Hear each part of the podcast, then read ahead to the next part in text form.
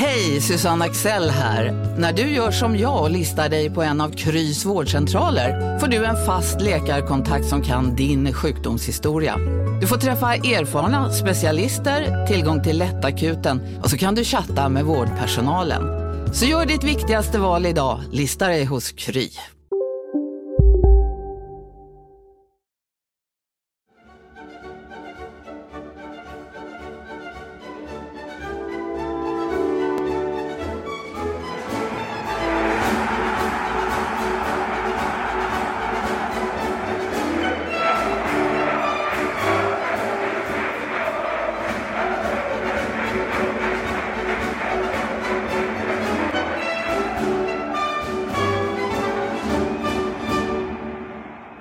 Välkomna till årets första avsnitt av HIF-podden. Vi är lite innan HIF har dragit igång sin försäsong. Det kommer att ske på måndagen med fystester och så första fotbollsträningen på onsdag. Men vi är här torsdagen innan. Vi har börjat skala upp HIF-bevakningen som ni ser inför den allsvenska comebacken. Marianne Svab, Sebastian Rönnström, Mattias Hjelm. Vi tre ska diskutera, ja, till exempel försäsongsschemat, spelarna som har kommit in här nu, mittfältspositionerna med mera, med mera. Låter det som en eh, duglig meny, herrar Svab och Rönnström? Mest det är tråkigt att vi inte kan träffas nu igen för nu sitter vi på varsitt håll här och poddar. Ja, vi får vara lite försiktiga emellanåt med eh, den här trista pandemin. Men ni får ha överseende med om ljudkvaliteten inte är hundraprocentig som den kan vara när vi är i vår poddstudio. Men menyn ser bra ut och på stora plussidan är ju faktiskt att vi får eh, prata om allsvenskan i år. Verkligen! Nu är det inte så mycket Domnarsvallen eller eh, Grimsta IP eller eh, vad heter de mer? Skytteholms IP och så vidare. Nu är det Eleda Stadion, Olympia självklart då, men Tele2 och Friends Arena och allt vad de heter. Man hade gjort det eftersom det ingår i arbetet men det hade varit ganska svårt att motivera sig eh, utifrån det jag hör dig Mattias prata om. jag måste erkänna att det är lite lättare att kliva upp på hästen när man vet vad som väntar. Din motivationsfaktor då Sebbe? Skövde är väl mysigt? Nej. nej, det, det, är nej. Att, det, är klart att, eh, att alla eh, i och kring HIF eh, ser den här, eh, det här allsvenska avancemanget som något väldigt glädjande. Och att eh, HIF är tillbaka där, där de hör hemma så är det ju.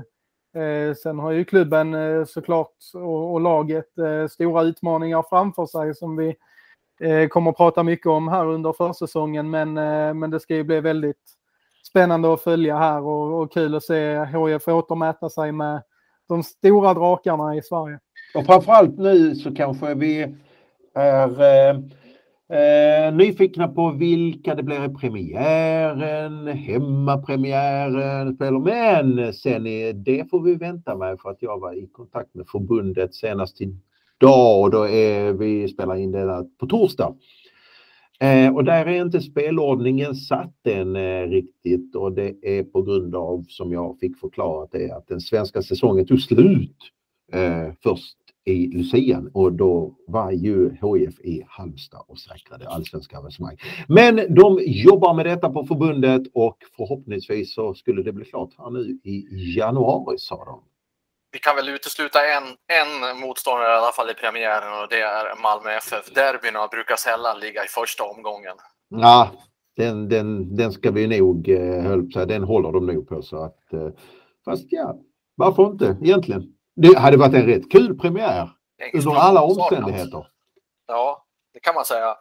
Men ja, en, en, en inte alltför vågad gissning är att det inte kommer att vara så. Så att det finns, vad blir det, ett antal andra lag att välja på där. Minns ni förra premiären när HIF fick upp? IFK Norrköping va? Norrköping hemma 3-1 på Olympia. Stor fest. Rasmus Jönsson i praktslag. Hade, ja, visst. Höll stor show. show, höll säga. show. Det är väl något liknande, liknande de hoppas på nu såklart, HIF. Men, men eh, en fråga men, till er. Men Mel Melba-premiären var kanske inte så rolig eh, året därpå? Nej, senaste säsongen de var i Allsvenskan ja. HIF var ju en, en, riktigt mörk historia, inte minst starten där 0-3 hemma mot Varberg, åkte på en 4-0 förlust borta mot Kalmar, inte ett enda mål offensivt på de fem första matcherna och det där släpade ju med sen hela säsongen. Och ingen publik. Nej, så vi kanske ska eh, bara stanna där och låta den säsongen vara kvar i papperskorgen nu när, när det faktiskt är helt nya förutsättningar Precis. och helt nytt år. Inte gräva i den gamla skiten helt enkelt. Och som sagt var nu, eh, ja, ska inte säga för mycket kanske, men eftersom det är utomhus och så, så kommer vi få publik på matcherna i Allsvenskan också. Fotbollen får ju ha det till skillnad mot inomhussporterna. Det, det bör ju bli så. Men en fråga till er två. Är ni, är ni sugna på att podda igen då? Vi har ju haft uppehåll ett bra tag och det har ju hänt en del sen, sen vi poddade senast. Ja, men det är, det är ju full rulle med silly season, även om det har varit eh, jämfört med många andra klubbar så har ju HIF eh, eh, suttit lite lugnare i båten eh, eh med, med presentationer av eh, spelare in och ut. Men eh, det ska bli, det är kul att vara igång igen här med podden och, och få, få snacka lite fotboll igen efter de här veckorna när man har varit på jul och nyårsledighet och åkt skridskor? Ja, jag, jag kan ju inte ens åka skridskor. Det, det, det, det, är ganska pinsamt faktiskt. Ja, det är det faktiskt. 23, snart 23 år gammal och eh, kan, kan inte åka skridskor. Men ja, jag, men jag erkänner. Du kan hantera en fotboll i alla fall och det, fotboll är lite mer i fokus i den här podden. Ja, det, det är tur det. Eh, men du nämnde silly season här. Ska vi då bara någonstans faktiskt redogöra för vilka spelare som har kommit in.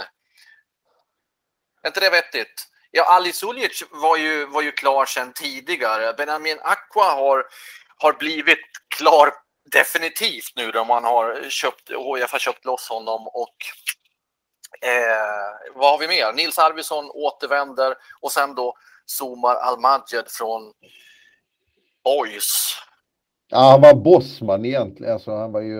Ja, kontraktet kan... med, med Landskrona gick ut ju. Ja, jo, sant. Eh, så att det kanske inte är helt rätt att värva. Ja, men han kom i alla fall från, från Landskrona Boys senast. En värvning därifrån, även om han var fri att gå var han ville. Eh, sammanfattar jag det korrekt där?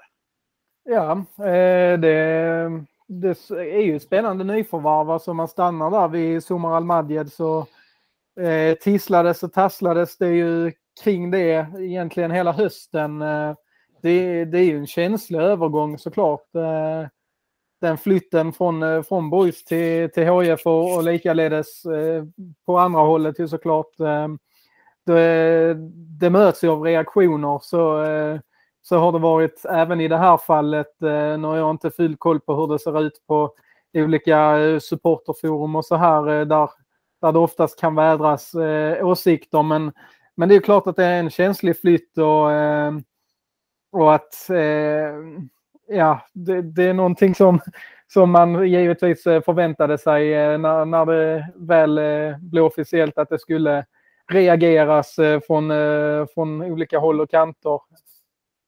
Oavsett vad, vad olika delar av supporterskaror runt om i, i Skåne har sina sympatier så kan vi konstatera en sak. För Somar Almadjed så är det ett steg upp i karriären. För nu är han på allsvensk nivå och ska testa sin kapacitet bland de bästa i Sverige. Då gäller det också att, och det kommer de ju få med, det, det är ju fortfarande så att en av eh, en av de bättre värvningar som HIF gjort på senare, under senaste säsongerna är det medicinska teamet nu.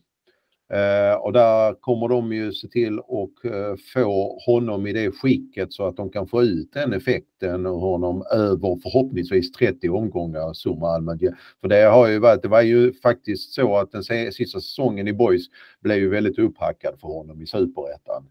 Eh, och det där är ju rätt så vanligt kanske också bland spelare som kanske inte under som eh, eh blommar eh, senare under karriären och som har spelat rätt högt upp i åldrarna i lägre divisioner, kanske inte haft den här, om jag säger sån här fysiska planen och kanske inte riktigt liksom vetat hur man ska få upp den här fysen för att spela på allra högsta nivå. Det finns varken kunskap i de klubbarna, i de lägre klubbarna som har spelat på lägre nivå eller eh, ja, eller så har man kanske liksom inte brytt sig själv så mycket utan man lever på sin talang. Eh, nu kommer man upp och då krävs det en, eh, ja, en annan sorts fysisk eh, eh status och plan för spelarna och där tror jag att de kommer få börja med just nu när säsongen, försäsongen startar kommer handla mycket om Zuma Majed att få honom i skick att spela en lång och, ska veta, en tuff säsong. Allsvenskan är fysiskt sett väldigt krävande om man jämför med eh, faktiskt många andra ligor. Eh, även ligor som är kanske högre rankade. Så är allsvenskan väldigt tuff. När HIF eh, fått honom i det här toppskicket fysiskt, jag säger när och inte om, för, det, för så är det. Man värvar inte spelare med, med ett om, Såklart. utan med ett när. Mm. Låt mig få problematisera det här lite större, inte kritiskt utan eh, Eh, problematisera hela bilden. Somar Almadjed kommer från Boys då med ett eh, 4-3-3-spel in till ett HIF som har praktiserat lite olika spelsystem under 2021 i Superettan. Nu ska man upp då i Allsvenskan och, och frågan är vad kommer Jörgen Lennartsson och Mattias Lindström hitta på här? Kommer man att fortsätta med samma varianter? Vad innebär det för Somar Almadjed? Somar eh, Almadjed, hur skiljer sig han sig eller är han likadan som Rasmus Jönsson?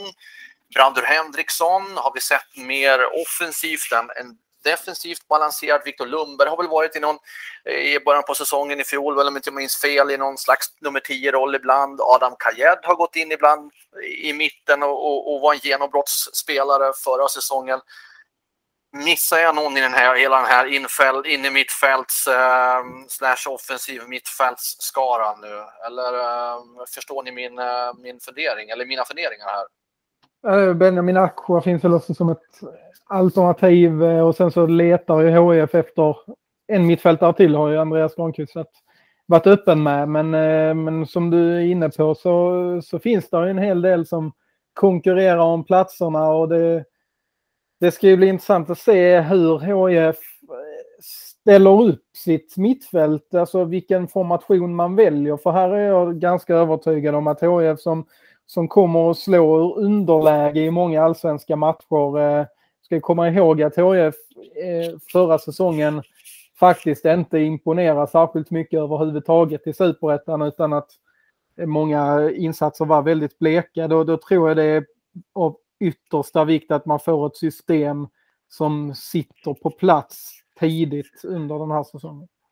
Hur ser ni på, på skillnaderna i, i um, egenskaperna hos de här anfallarna, äh, anfallarna, nu är jag ute och snurrar, ringrostig, mittfältarna såklart, mittfältarna.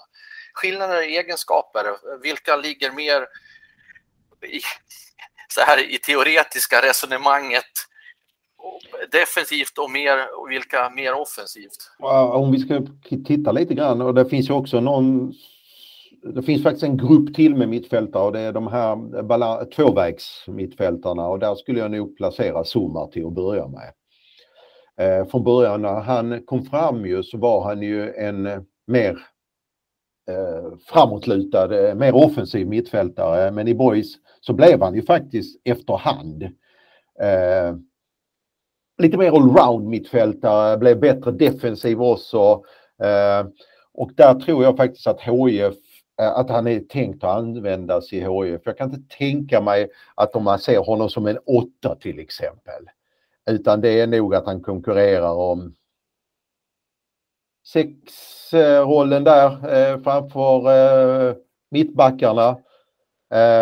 Och sen så får vi se vad den där mittfältaren som eh, Sebastian pratar om, som Andreas ska ta in, om det är bara en bollvinnande en sköld, renodlad sköld till mittbackarna. Det får vi se. Eh, men de har ju sagt samtidigt också att de söker ju lite grann mer av ett tvåvägsspelare och att karaktärsspelare är svåra att få tag i idag. Eh, och de som finns är ju också dyra eftersom de har en viss erfarenhet. Så det är möjligt att HF har tänkt om här lite grann. Eh, så jag ser honom nog mer som en eh, tvåvägsmittfältare eh, Zuma, just Zuma. Och sen har du då de övriga, Aqua är ju lite grann, eh, han kan spela både på en kant och eh, en mer, han ska inte vara en balanserande mittfältare, det ska inte Rasmus Jönsson heller. Eh, Brando Henriksson är ju mer så fall lik eh, Zuma ej. eh, att de vill ha mycket boll, eh, fina fötter och så vidare. Men har inte Rasmus Jönsson haft mycket av en liknande Somar Al-Majed-roll eh, under andra hälften av superettan där, där Rasmus då fick ta en mer defensivt ansvar, var en slags länk mellan försvar och anfall. Eh, eh eller är ute i tassemarkerna här nu och svävar i, i någon slags dunkel? Alltså, ja, det, alltså han fick ju... Han, nej, nej, det var, det var inte så jag menar. Eh, han, han, fick ju en mer eh, tillbakadragen mittfältsroll. Eller det, HIF testade ju tidigt där på, eh, på säsongen, de första tio matcherna med att starta med Kreida och eh, eh Brander Henriksson eh, som, eh, som två eh, mer defensiva inomhittfältare. Eh, där Kreida hade det mer defensiva ansvaret. Kreida imponerar ju inte i den rollen då. Eh, det gjorde han för övrigt i kvalet mot eh, Halmstad, men det är ju en annan historia. Eh, han, när, när, han då inte höll måttet, eller vad man ska säga, så, så testar man ju en annan kombination då med eh, Brando Henriksson och Rasmus Jönsson som till en början funkade bra. HIF ble, blev ett mer eh, bollförande lag. Sen ju, ju längre säsongen led desto större brister blottades eh, på det centrala mittfältet, framförallt defensivt då. Många lag spelar igenom ganska enkelt där centralt i, i plan. Så eh, den här varvningen av Somar Al-Madjed är ju ett svar på att man dels behöver fler alternativ på mittfältet än vad man hade, för det, det var inte mycket att välja på. Eh, plus att man då behöver någon mer defensiv stöttepelare på det centrala mittfältet för att eh, en kombination av Rasmus och Brander där, det, det, det, det, funkar helt enkelt liksom inte på allsvensk eh, nivå med ett så framåtlutat mittfält där det blir sådana hål bakåt. Men betyder det att man skulle kunna se Zuma Almadjad i den här rollen du beskriver nu, eh, Sebbe, och sen kanske ha puttat upp Rasmus Jönsson lite mer igen till den position han, han har lärt oss alla att det är där han är Eh, som mest hemma helt enkelt. En offensivt eh, lutad mittfältsroll. Alltså det är mycket möjligt. Eh, jag, jag ser nu, nu har man ju det här defensiv, eller eh, Zuma är inte enbart defensiv. Det, det är ingen Vladislav Krida i den bemärkelsen så, men han, han, jag utgår från att han kommer ha den mest defensiva rollen av de som är på mittfältet. Sen beror det ju på vilket spelsystem HF använder, hur, hur man Eh, och om nu man ser Rasmus Jönsson som en startspelare, jag är inte helt övertygad om det med tanke på alla de andra namnen du, du drog ut där innan. Men eh, spelar man 4-4-2 så har man ju Anthony van den Hurk ihop med ja, men Karjalainen eller Asad Alamlavi. Eller om man kanske plockar in ett annat offensivt hot. Men eh, Rasmus Jönsson funkar ju i en, eh, eller man testar honom, men det gick så där förra säsongen. Men han är ju i grunden en tia och skulle kunna funka i ett 4-2-3-1. Eh, man kan också på ett 4-3-3 eh, mittfält eh, ha honom som en lite mer framåtlutad. Så, så absolut tror jag nog att eh, ser man honom som en startspelare så ser man nog honom i en mer framskjuten roll. Sen att han eh, ska ligga så pass högt upp att han är nära en anf- eh, närmare en anfallare, det vet jag kanske inte. Eh, men, men jag ser ju honom, nu när man har fått in den här mer tryggheten i, eh, i Zumar Almadjed så ser jag ju att det kanske frigör lite ytor för Rasmus Jönsson framåt. Det, det är en, en tanke jag har. Ja, men jag återkommer lite grann till den här premiären mot Norrköping. Eh, när HIF senast eh, tog steget upp. Och det var ju så att eh, där var man ju tvungen att, eh, där visste man att man inte skulle bli det bollförande laget som man var 2018 i Superettan som man vann då. Eh, och det visade sig också liksom att när Norrköping kom då till den här premiären, det var ju Norrköping, eh, nu var HIF väldigt bra i den matchen också, hade en hel del boll och var eh, delvis bollförande lag under matchen. Men de målen de gjorde, det var ju de här omställningarna, det gavs ytorna, HIF vann boll och kunde ställa om med Rasmus Jönsson. Eh, som då var inblandad, som fick då ytor och kunde flyta lite fritt och så. Och, och, det är ju någonting kanske, det som vi säger, vi, kan ju, vi vet ju inte ens riktigt hur HIF tänker, hur de tänker spela, ställa upp. Eh, förmodar att de inte, eh, för, eh, där är också en grej, Jörgen Lennartssons fotboll kanske passar bättre i allsvenskan, tänker jag, eh, än eh, den passade i superettan med det här. Det kanske är den här att organisera, eh, hålla ihop med lagdelarna och sen kanske gå lite mer på kontring. Jag säger fortfarande kontring, jag kommer inte säga omställning. Uh, uh, och där kanske det är då Rasmus är perfekt att ha. Uh, men det som ni också är inne på, han kanske blir den här supersub på äldre dag. Men, jag ska, men, jag ska säga det. på vilken fotboll HIF väljer. Men jag kan inte tänka mig att de bör, tänk, det vore naivt att tro att de ska resonera i samma termer som den gångna säsongen att vi ska bli ett starkt bollförande och possessionlag och så. Ja, det, det, det tror jag, det vore lite grann slut på självmord. Ja, ja, ja, starka ord. Eh, jag ska bara en del... Starka ord, starka starka ord där. Nej, men det var en metafor. Ja, eh, det vore att skjuta sig själv i foten. Det gör ganska ont det också. Ja, det gör ju det. Vi fattar. Jag ska säga det till er att det kommer att komma en eh, text till er med just Rasmus Jönsson här inom kort. Jag har pratat med honom och resonerat lite grann kring just roller, vad han kan tänka spela och förra säsongen som var annorlunda för honom utifrån det perspektivet. Han, jag ska inte avslöja för mycket för då blir det ingenting för er att läsa, men han hade ju en överbelastningsskada mot slutet av säsongen. Han missade de tre sista matcherna i serien, så kom han tillbaka till kvalet, gjorde två inhopp där. Men han hade problem med, med en kropp som var, var lite sliten där på senhösten som, som kan förklara att eh, en del av av hans, eh, ja, jag ska inte säga problematik, men han hade ju en annan roll också så att eh, man kanske ska förstå det i ett större sammanhang när man tittar på Rasmus Jönsson att ja, men Rasmus var inte som Rasmus var för tio år sedan. Nej, det stämmer. Han var tio år yngre då och han spelade på ett annat sätt.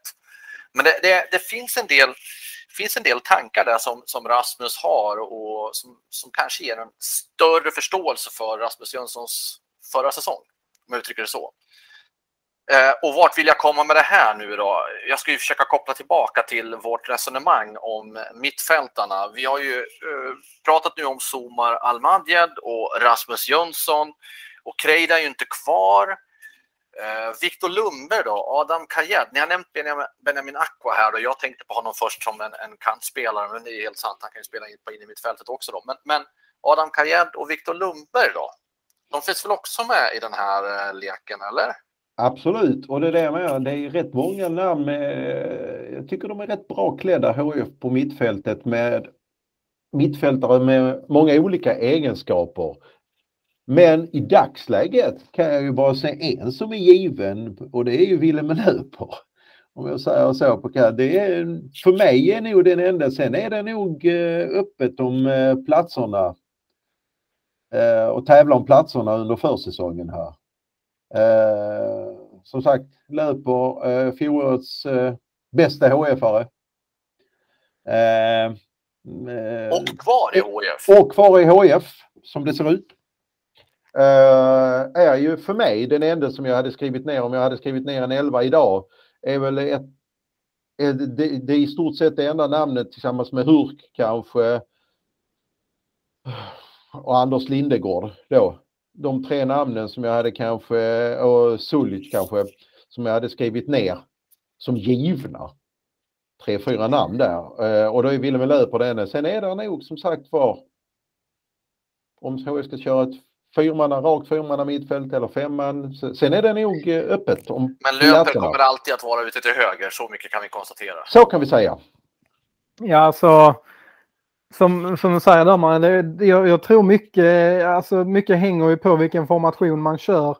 Eh, om man väljer 4-4-2, 4-2-3-1 eh, eller 4-3-3. För där, där är ju vissa spelare som, som passar, eh, passar bättre i, i roller beroende på, eh, på eh, det, de olika systemen. Ska dock bli intressant att se var spelare som Adam Kajed, Benjamin Aqua, Dennis Olsson. Tre, Dennis Olsson, självklart. Tre unga, tre mm. unga spelare. Vilken nivå håller de i allsvenskan? Jag tycker det fanns eh, bra tendenser på, eh, på alla tre förra säsongen i Superettan. De blandade och gav lite så, vilket är naturligt. Eh, men det, det, ska bli kul att se hur de tar sig an eh, den allsvenska utmaningen för nu blir det ett steg upp.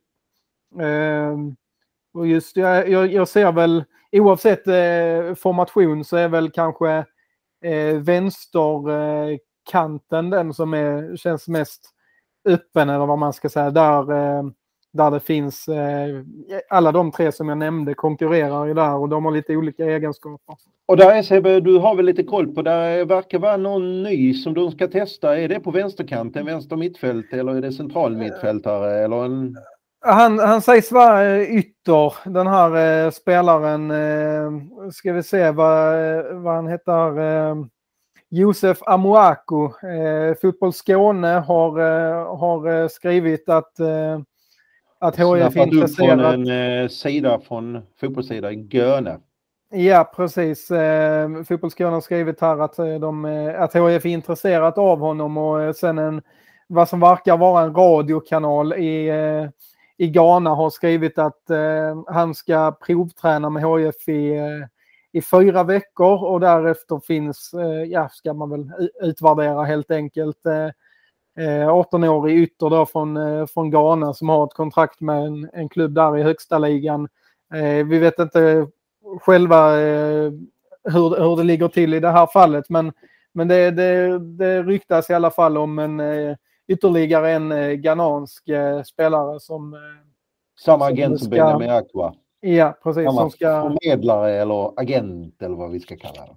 En till i alla fall som ska bekanta sig med, med klubben vad det verkar. Jag tänkte på Dennis, bara flika in lite grann här med Dennis. Mycket beror ju, HF säger att de letar efter en vänsterback. Eh, jag såg klara, klara, eh, klar potential att eh, i den sista kvalmatchen mot Halmstad när Dennis Olsson serverade fram faktiskt i 2-1 målet med Antoni Då hoppade han in och i en slags mer som en wingback faktiskt. det kanske kan vara en lösning Eh, som HF istället för att ta in en vänsterback kanske man kan lägga de få slantarna man har på ett annat ställe i truppen och kanske utveckla Dennis Olsson till att bli den här wing, moderna wingbacken som många lag eh, söker efter och försöker utveckla idag. Eh, jag tyckte det handlar om många spännande. Sen ska han lära sig kanske lite mer visa bitar, defensiva bitar, men det har de kanske på tid på sig nu när ni är inne på olika spelsystem, eller var det och nämnde 4-4-2, 4-2-3-1, vad sa du mer, 4-3-3-3. Det skulle inte kunna bli aktuellt med 3-5-2? Nej, absolut inte. Det, det, det... Vi är specialister på det vi gör, precis som du. Därför försäkrar vi på Swedea bara småföretag, som ditt. För oss är små företag alltid större än stora och vår företagsförsäkring anpassar sig helt efter firmans förutsättningar. Gå in på swedea.se företag och jämför själv.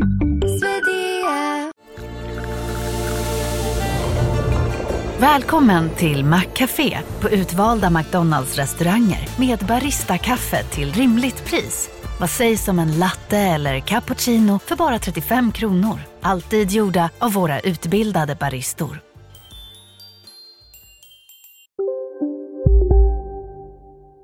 Tror inte. Det, det, det skulle vara för Jörgen Lennartsson att gå emot sina egna principer. Det, det, det har jag, ja, det, det, hade varit kittlande att se. Jag, jag, jag kanske har helt fel, jag vet inte. Men jag har... Jag, jag kan, väldigt säker. Ja, men jag, nej, nej, det kan jag inte se framför mig. Det, det, det, ser, jag, det ser jag inte framför mig. Men visst, jag, jag vet inte vad som vad Jörgen Lennartsson eh, sitter och funderar på just nu. Så jag, jag kan ju inte lova det. Det vore ju konstigt. Ja, du, du då Marian, skulle du, du som har följt Jörgen Lennartsson eh, väldigt många år och, och, även om han har sin fotbollsfilosofi klar så söker väl alla tränare eh, någon slags förnyelse hos sig själva också. Ser du också det som i princip uteslutet, nej, jag, en sån tanke? Nej, det gör jag faktiskt inte.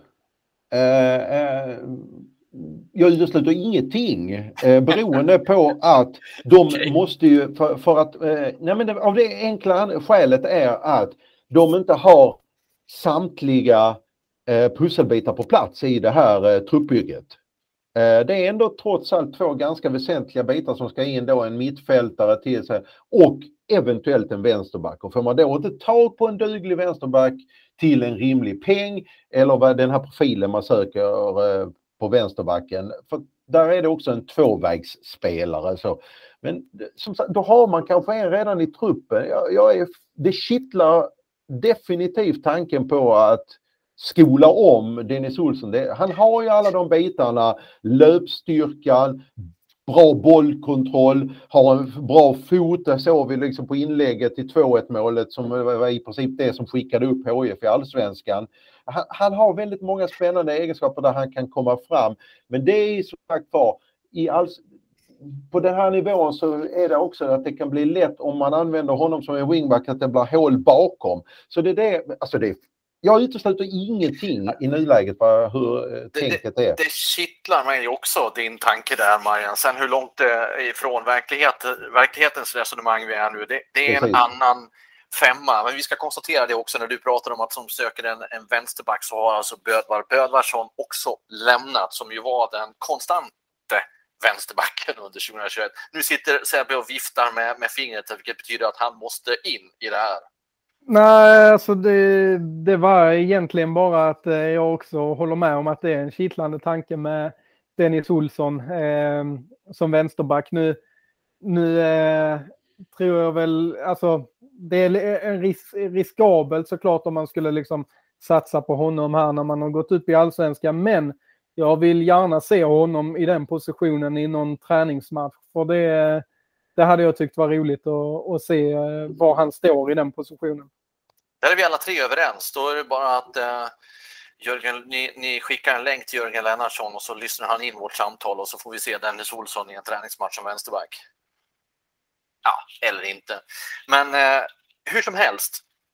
Jag är ju tidigare, jag sa inför förra säsongen när de eh, signar honom att det kan nog bli eh, en bra peng över den dagen när HF eh, säljer honom. Han skrev ett långt kontrakt, jag tror han skrev ett fyraårskontrakt. Och det är nog dags att börja förädla det. Han har väldigt mycket fotboll i sig. Sen hade han ju också samma problematik kanske som, eh, som det vi pratade om innan. Spelare från lägre division kommer upp, det är en annan träningsdos. Eh, det är, har man kanske inte fysiken med sig från tidigare klubb som på lägre nivå och så blir det då liksom en massa småskräp man åker på.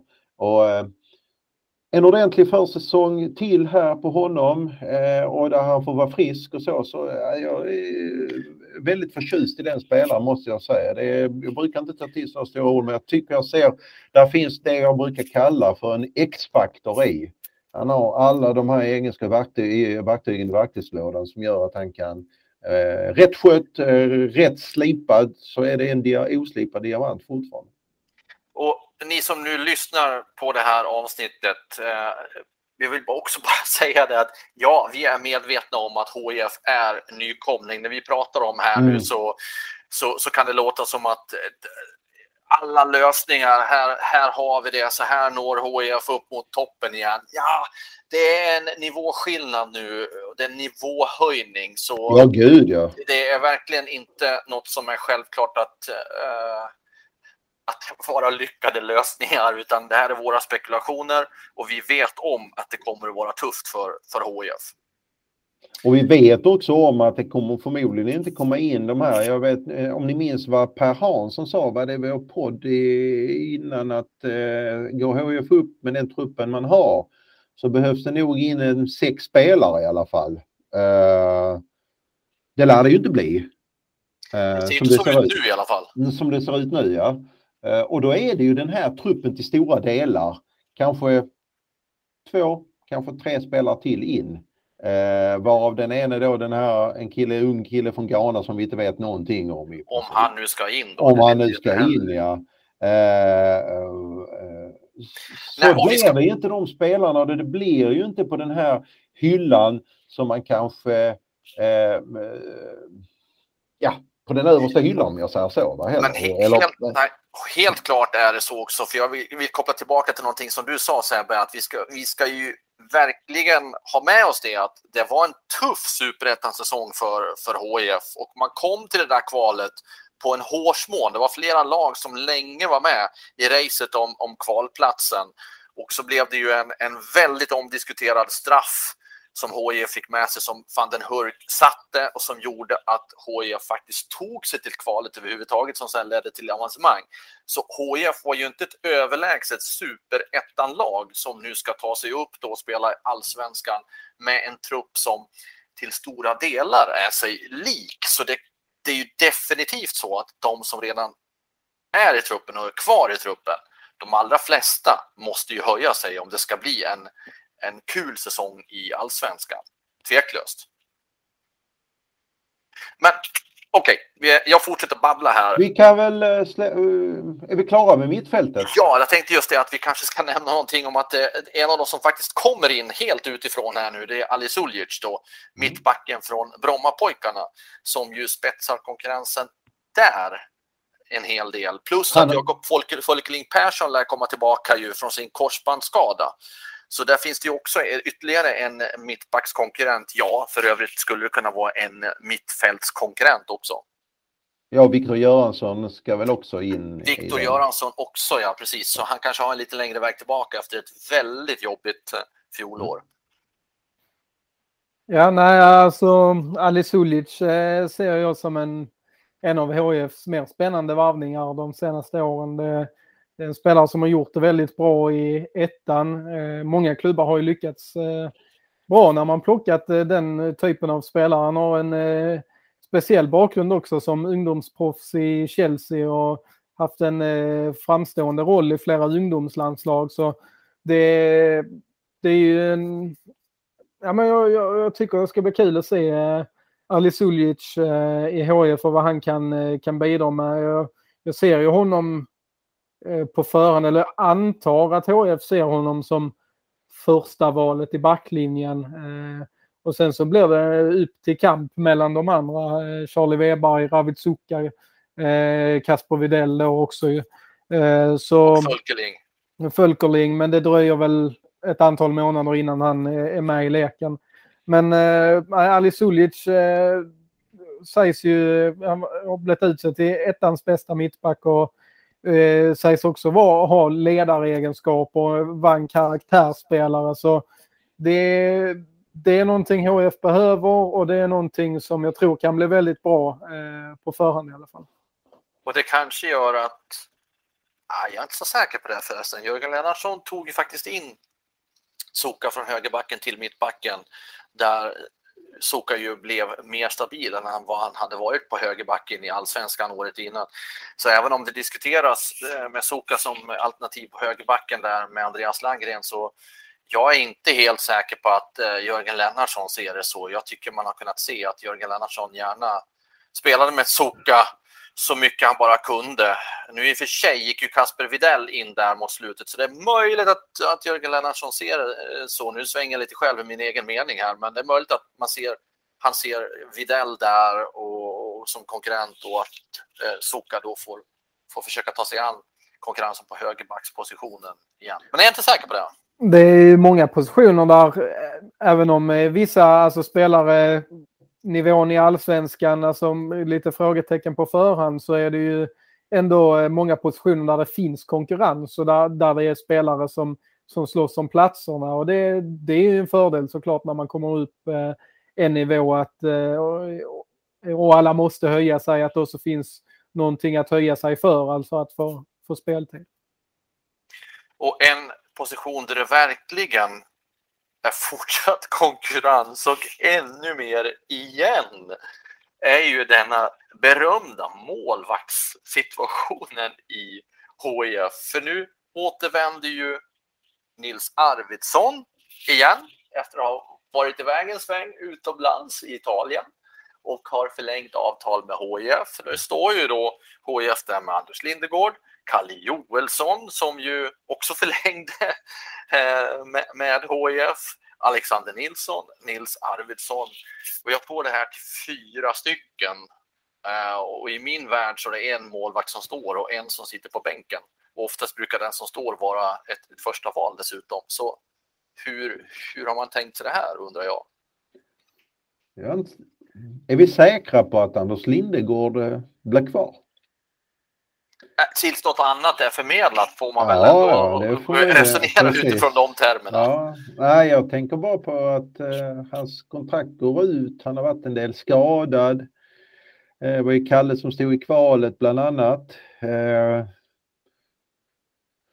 och då är frågan, eh, han har väl eh, vissa åtaganden redan nu inne i Danmark. Han, eh, äh, det, hur spelar han 30 matcher? Det är också ett, någonting som HF får ta beslut om. Eh, och där har man ju som tur är en av eh, Sveriges absolut bästa målvaktstränare, Sven Andersson. Om han ser att Kalle till exempel ska fortsätta var det, ja men då har man tre målvakter och så. Men jag såg att Granen också sa att det kan bli aktuellt med utlåning och sånt. Eh, det är väldigt oklar hela målvaktsfrågan.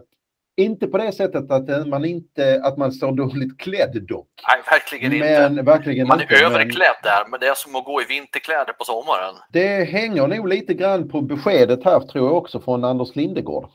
Hur han har tänkt sig och hur hans kropp eh, svarar på eh, eh, fortsatt träning, hård träning. Alltså, har vi fått några som helst sådana indikationer? Nej, jag tänker bara fritt och det får, får man väl i podden. Nej, men alltså det har ju jo, varit... det får man. Alltså, har, när var det Anders Lindegård senast spelade 30 eh, tuffa matcher, seriematcher i sträck? Han Nej, spelar kan... ju... Han, han spelar ju ändå mycket fram till den här skadan inför kvalet, men då hade han också haft problem länge under hösten och nu, nu opererades ju han, det var väl före jul tror jag, som han eh, opererade knät här och det dröjer nog någon månad innan han är tillbaka i full träning och mm. var han då står sett till kontrakt, sett till sin skada. Det, det och konkurrensen. Mm. Och konkurrensen plus att du har Eh, Kalle Joelsson eh, var i och för sig skadefri hela förra året så här får man ju utgå ifrån att han, han, är, han är tillbaka på allvar igen. Alexander Nilsson har haft sina problem. Eh, Nils Arvidsson är ju definitivt prövad även om jag tror att, eh, eller HF uppenbarligen tror väldigt mycket på honom. Så som du säger Marianne så tror jag mycket hänger på Anders Lindegård. Eh, alltså vad Hans händer med honom? Vad händer ja. med honom? Hur, hur redo är han efter sin skada och, och, och blir han kvar liksom?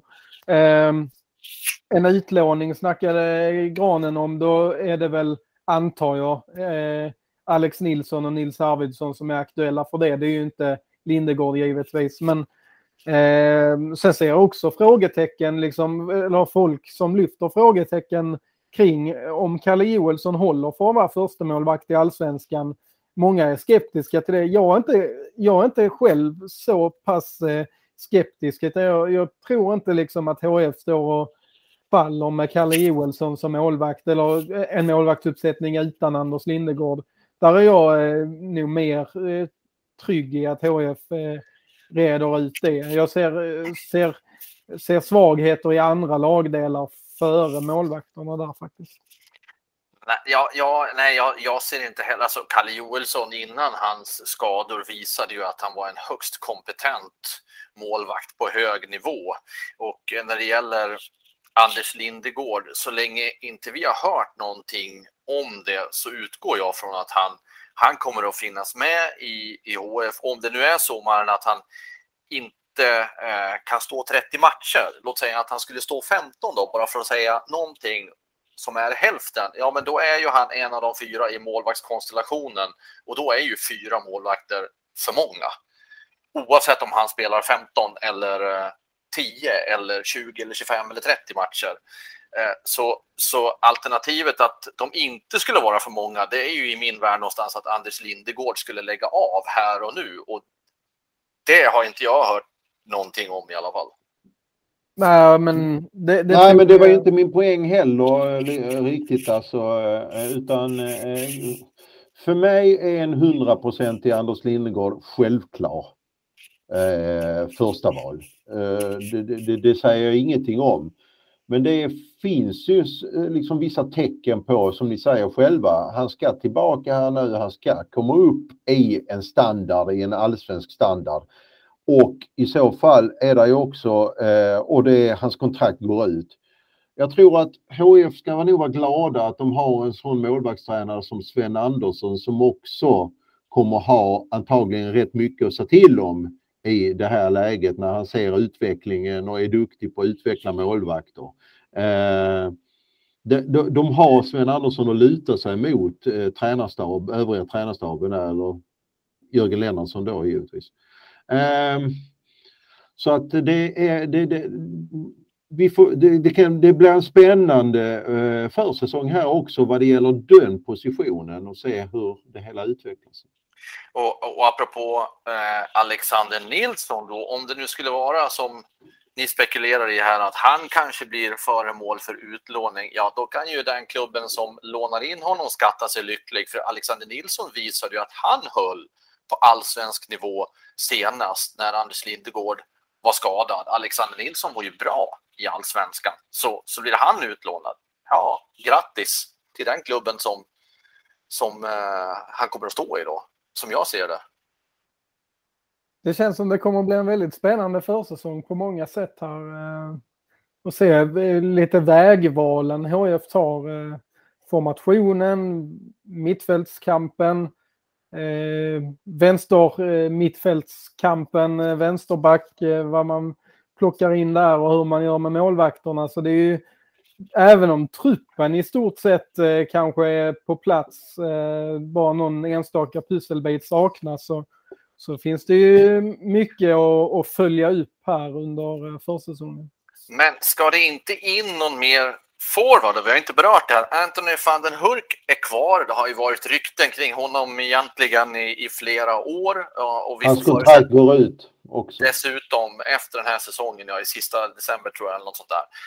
Uh, men samma sak där, så länge ingenting annat uh, händer så är han en HIF-spelare och självklart då i anfallet. Men sen finns ju då Rasmus Karjalainen som haft tufft och som jobbar för att komma tillbaka och kanske får en helt ny, alltså går en ny vår till möte som man uttrycker det så för att vara klyschig.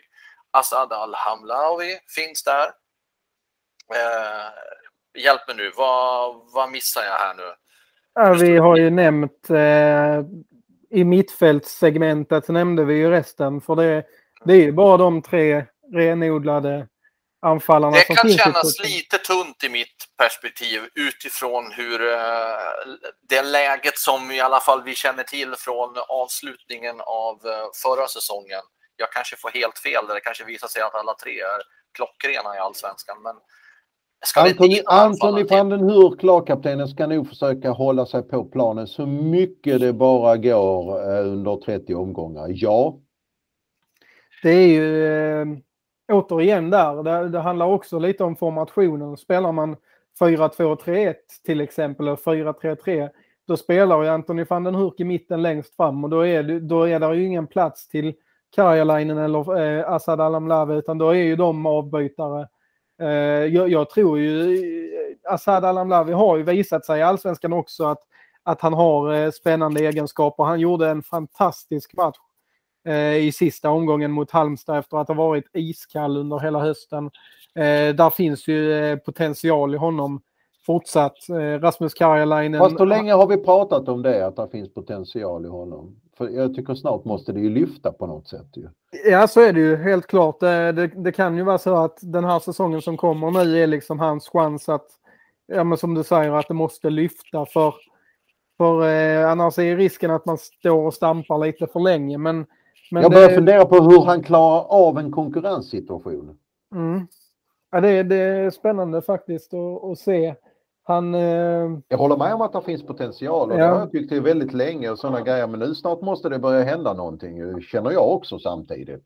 Ja, jag håller med. Jag håller med helt. Eh, även eh, Karjalainen hade ju sina eh, problem förra säsongen. Ju, när han kom in så var han ju inte i fullt slag och fick ju kämpa hela hösten med det.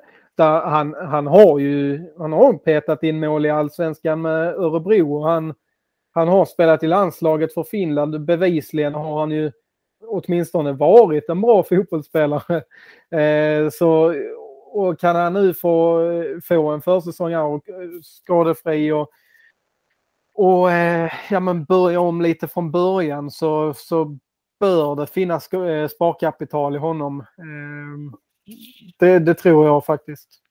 Så, så säga att HIF bara ska spela med en renodlad anfallare i sin formation, då är det Hurk såklart. Och sen så finns det två hyfsade alternativ bakom. Spelar man 4-4-2 däremot, då kanske det är lite tunt med, med bara tre alternativ. Bra, då har vi gått igenom tror jag, i princip. Det sista vi ska ta upp i det här första avsnittet av HIF-podden 2022, det är ju att det kommer ett gäng av försäsongsmatcher också.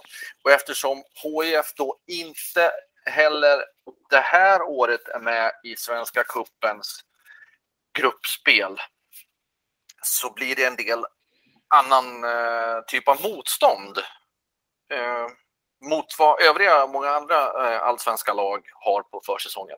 Men om jag har förstått det hela rätt så även om HIF, eh, alltså att HIF också där, ja de, många allsvenska lag är med i gruppspel och sånt men eh, HIF har också valt en annan väg och eh, försöker, eh, om jag förstod det hela rätt när jag pratar med sportchefen Andreas Granqvist, är att de kanske medvetet också har valt att inte möta allsvenska konkurrenter på försäsongen.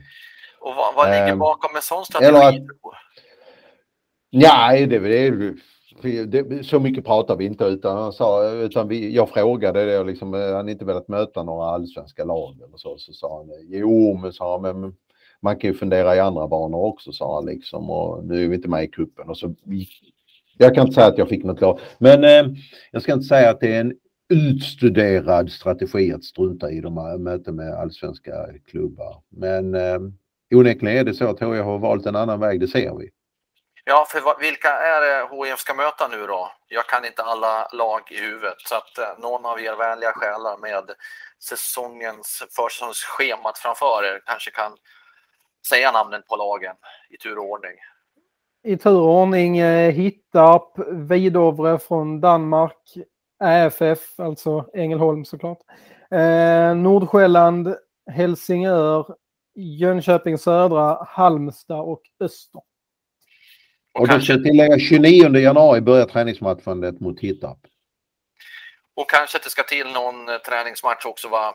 Eh, när HIF åker på träningsläger om det blir som planerat. Två matcher eh, brukar det vara inplanerade på ett sånt läger. Eh, kommer vara en del norska lag som ligger där nere så att misstänker väl att det blir då motståndet kommer i form av någon av de här tippeligalägen. Om det blir ett träningsläger.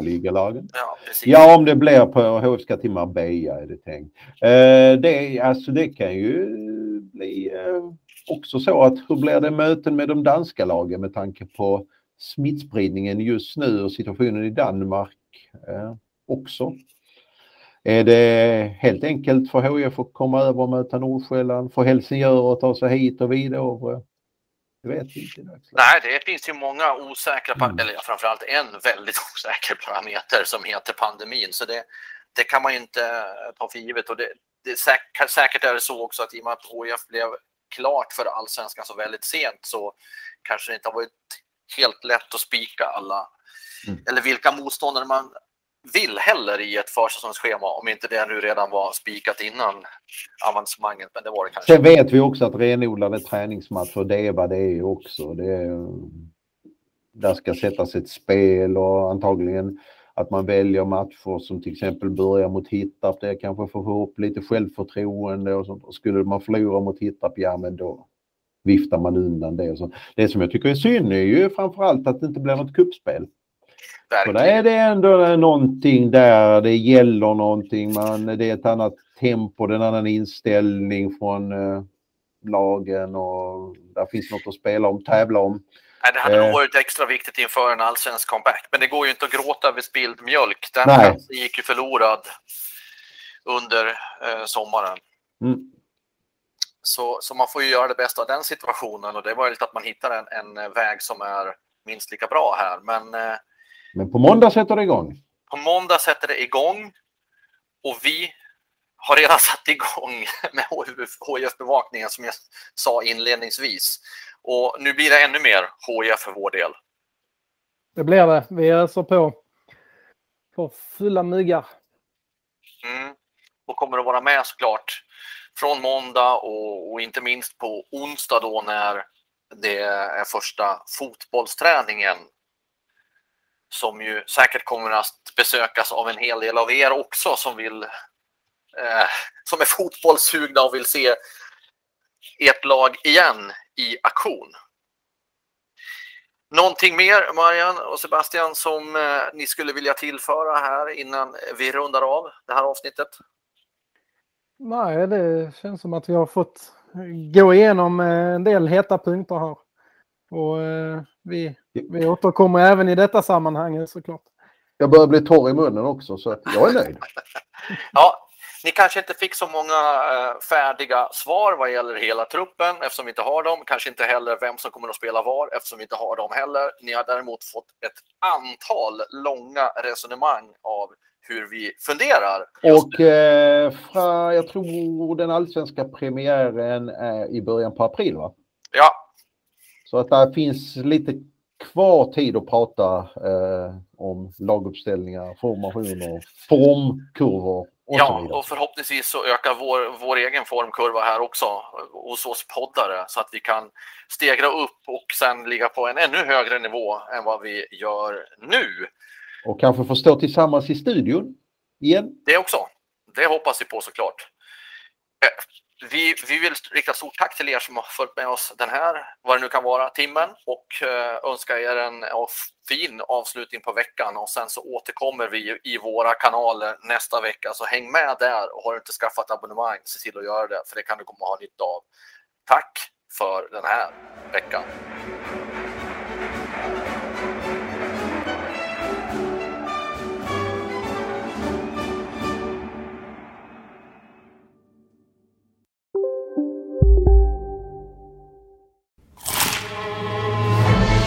Upptäck det vackra ljudet av McCrispy Company för endast 89 kronor. En riktigt krispig upplevelse. För ett ännu godare McDonalds. Ska några små tassar flytta in hos dig? Hos Trygg Hansa får din valp eller kattunge 25% rabatt på försäkringen första året. Läs mer och teckna djurförsäkringen på trygghansa.se. Trygg Hansa Trygghet för livet.